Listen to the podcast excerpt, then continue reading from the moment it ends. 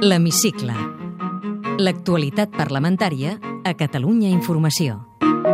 La setmana ha estat marcada per les incompareixences d'Alicia Sánchez Camacho i José Zaragoza, que s'han negat a anar al Parlament pel cas Método 3 d'espionatge polític.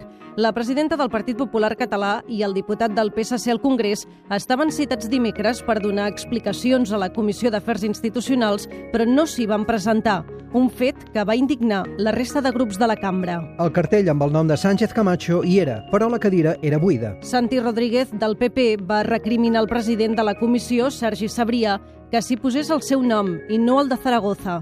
La tensió va començar a pujar. Vostè menteix quan diu que no té coneixement de si vindrà o no vindrà la senyora Alicia Sánchez Camacho. Vostè coneixia de sobres i per tres vegades que la senyora Sánchez Camacho no compareixeria. A mi m'agradaria que re- retirés la seva afirmació, que s'està mentint des d'aquesta presidència perquè això no és cert.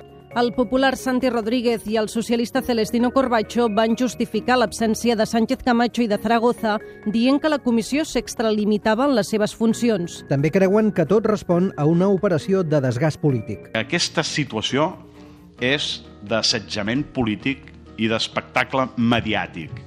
Aquest és l'ús que alguns de vostès donen a les institucions democràtiques. No hi ha un motiu objectiu que justifica aquesta compareixença. Puc pensar que el motiu és exclusivament polític i el respecto, però no el comparteixo. La resta de grups van acusar Sánchez Camacho i Zaragoza de menysprear el Parlament. Iniciativa Esquerra Unida va demanar fins i tot la reprovació de la líder dels populars i que plegui com a senadora perquè ho és per designació del Parlament. Convergència i Unió se sumava a aquesta petició. Escoltem el diputat de la Federació, Lluís Guinó, l'ecosocialista Jaume Bosch, Gemma Calvet d'Esquerra i Carina Mejías de Ciutadans. Una de les qüestions que ja posem sobre la taula de forma dràstica i radical és que la senyora Sánchez Camacho posi el seu càrrec de senadora autonòmica sobre la taula. Avui la senyora Sánchez Camacho està incomplint un article de l'Estatut d'Autonomia plenament vigent i que l'obligaria a ser avui aquí. Ens sembla una ofensa gravíssima a la institució del Parlament que un membre rellevant d'aquest Parlament hagi fet un despreci a aquesta oportunitat institucional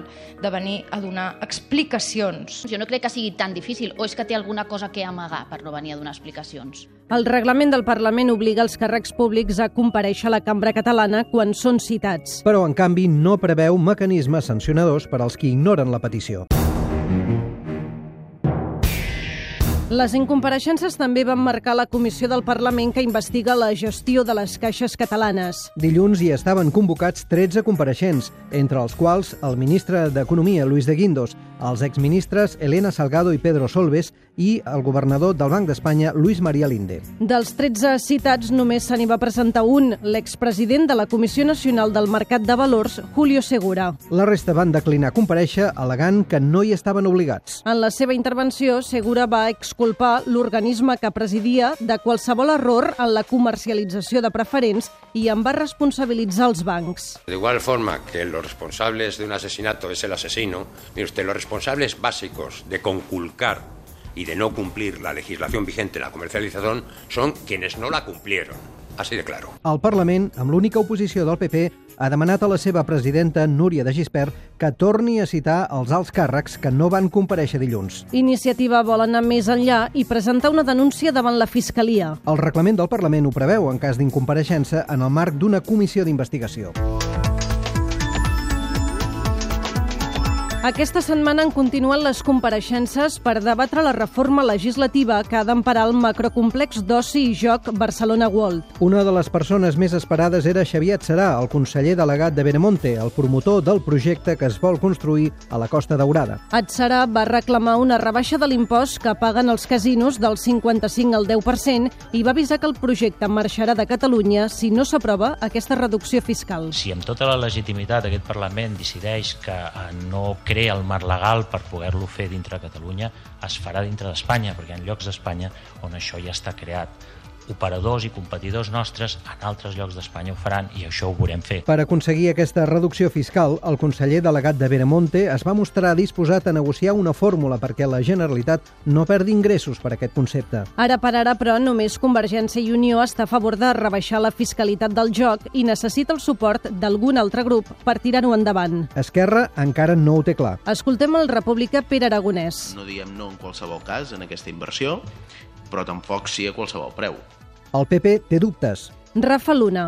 Nosaltres sempre hem pensat que PortAventura és un tipus de turisme familiar i no ho creiem tant que ho sigui Barcelona Borra. Qui ho té més clar és el PSC, que es decanta cap al no. Així de clau deixava el socialista Xavier Sabater. No donarem suport a la rebaixa fiscal que vostès sol·liciten. La CUP i Iniciativa Esquerra Unida s'hi han mostrat en contra des del principi. Escoltem les diputades Isabel Vallet i Hortènsia Grau. Nosaltres estem en contra d'aquesta inversió. Mm. Veiem contradiccions amb, amb, amb tot el que han anat presentant fins ara, no? perquè diuen que el joc no és important, però al mateix temps vostè ens diu que va adreçat a un turisme xinès que no vol ni platja i que només vol compres i joc. Convergència i Unió agrair als promotors de Barcelona World la seva aposta per Catalunya. Albert Batet. Moltes gràcies per creure en el Camp de Tarragona, moltes gràcies per creure en la Costa Daurada. Al Parlament també van compareixer les cambres de comerç de la zona i representants del món empresarial, que van expressar el seu suport al projecte. Escoltem el president de Pimec a Tarragona, Joaquim Cendra, i Carles Ferrer, de la Federació Empresarial d'Hostaleria i Turisme de Tarragona. És una oportunitat creiem que és imprescindible pel territori, no es pot deixar passar i fins i tot pensem que seria per, per nostra part una irresponsabilitat fer-ho. Senyors, benvinguts siguin aquests nous inversors. El sector empresarial turístic de la Costa Dorada ho veiem com una oportunitat de situar el nostre destí a una escala a nivell mundial. Els sindicats tampoc no giren l'esquena a Barcelona World perquè crearà llocs de treball, tot i que no els acaba de fer el pes. Jordi Salvador és el secretari general de la UGT de Tarragona i Jaume Pros, de Comissions Obreres. Que no és el projecte que m'agradaria? Amb aquestes claudicacions? No, no ho és. Però no m'atreveixo jo a mirar-los a la cara a una persona que estigui desocupada i dir-li jo tinc feina vostè no en té i a més m'oposo a aquest projecte. No, no volem menys tenir aquesta inversió, però des de Comissions Obreres pensem que s'hauria d'apostar per projectes que anessin en una altra línia. La patronal del joc privat de Catalunya reclama els mateixos avantatges fiscals i regulatoris que s'apliquin a Barcelona World. El seu portaveu, Francesc Xavier Frank, compareixia dijous al Parlament. Aquesta i altres mesures s'haurien d'implantar tots els casinos tradicionals a Catalunya i així evitar greuges comparatius. Un cop escoltats tots els compareixents, ara els grups poden presentar esmenes parcials a la llei abans de la votació definitiva d'aquí uns mesos. Repassem ara altres notícies en format més breu. El Parlament aprova normalitzar l'estelada. La cambra demana que es pugui exhibir en esdeveniments esportius a tot l'estat. El PP i Ciutadans hi van votar en contra i la diputada popular María José García Cuevas va ser contundent. És una bandera que han utilizado organizaciones terroristas, violentas, sangrientas e intolerantes. Segueix endavant la iniciativa legislativa popular per garantir una renda mínima als ciutadans. La Comissió de Control de la ILP va comunicar als promotors que la iniciativa pot continuar amb la tramitació parlamentària perquè s'ha recollit amb escreix el mínim de 50.000 signatures que cal. Iniciativa Esquerra Unida demana que el Parlament rebutgi la reforma de l'avortament. L'ecosocialista Marta Ribas vol que es faci una llei catalana pròpia. Volem que el Parlament de Catalunya posi termini a la feina que ja ens vam comprometre el setembre passat, que és a fer una llei catalana de salut salut sexual i reproductiva i que ens posem, iniciem aquests eh, treballs de llei abans de l'estiu. El Parlament va homenatjar dilluns les víctimes de l'Holocaust. I va intervenir la presidenta de la cambra, Núria de Gispert. No s'ha d'oblidar, no hem de perdre la memòria i ha de servir perquè mai més torni a passar. Té la paraula Soy Sergio Santamaría, eh, soy diputado del Grupo Parlamentario del Partido Popular en el Parlamento de Cataluña. En una frase. Senyor Sergio Santamaria, vol que Catalunya esdevingui un estat? No. Què passa si la convocatòria de consulta del president Mas és impugnada? Pues que lógicamente no puede celebrarse como pensamos que sucederá, que no se celebrará. Preveu eleccions anticipades? Sí. Quan? Probablemente el 9 de noviembre de este año. Quina és Eh, la injustícia que l'enerva més a Catalunya? Probablemente las desigualdades sociales y también la corrupción.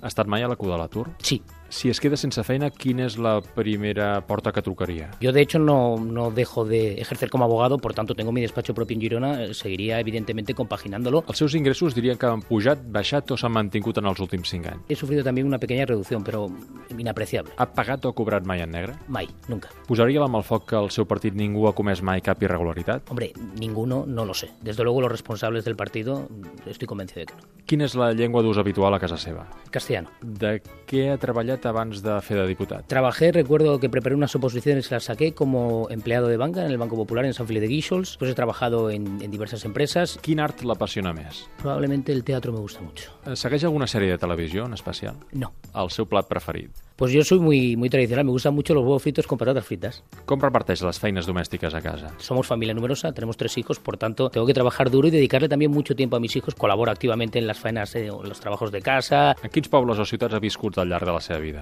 Nací en Córdoba, pero he vivido también en Cáceres, he vivido en Zamora y 25 años, más de 25 años que llevo viviendo en Girona. Si tingués una màquina del temps, on viatjaria? Mm, Probablemente me gusta mucho eh, la época del siglo de oro español. Fa meditació o esport? Deporte mucho, porque me gusta mucho. Me gusta mucho la natación, el fútbol, el baloncesto, el tenis. Creu a l'amor a primera vista? Creo en el flechazo, ¿no? Y a partir de ahí, evidentemente, después hay que, hay que trabajarlo, ¿eh? Amb quin sex símbol compartiria una estona? Charlize Theron, por ejemplo. Quan acaba un ple del Parlament, com desconnecta quan torna cap a casa? Procuro escuchar música, fundamentalmente, porque realmente son momentos en los que uno se relaja y, y disfruta de, de cierta tranquilidad. Senyor Sergio Santamaria, moltes gràcies. A usted, ¿eh? Moltes gràcies, ha sigut un plaer. Podeu tornar a escoltar aquest programa i recuperar els anteriors a catradio.cat barra hemicicle.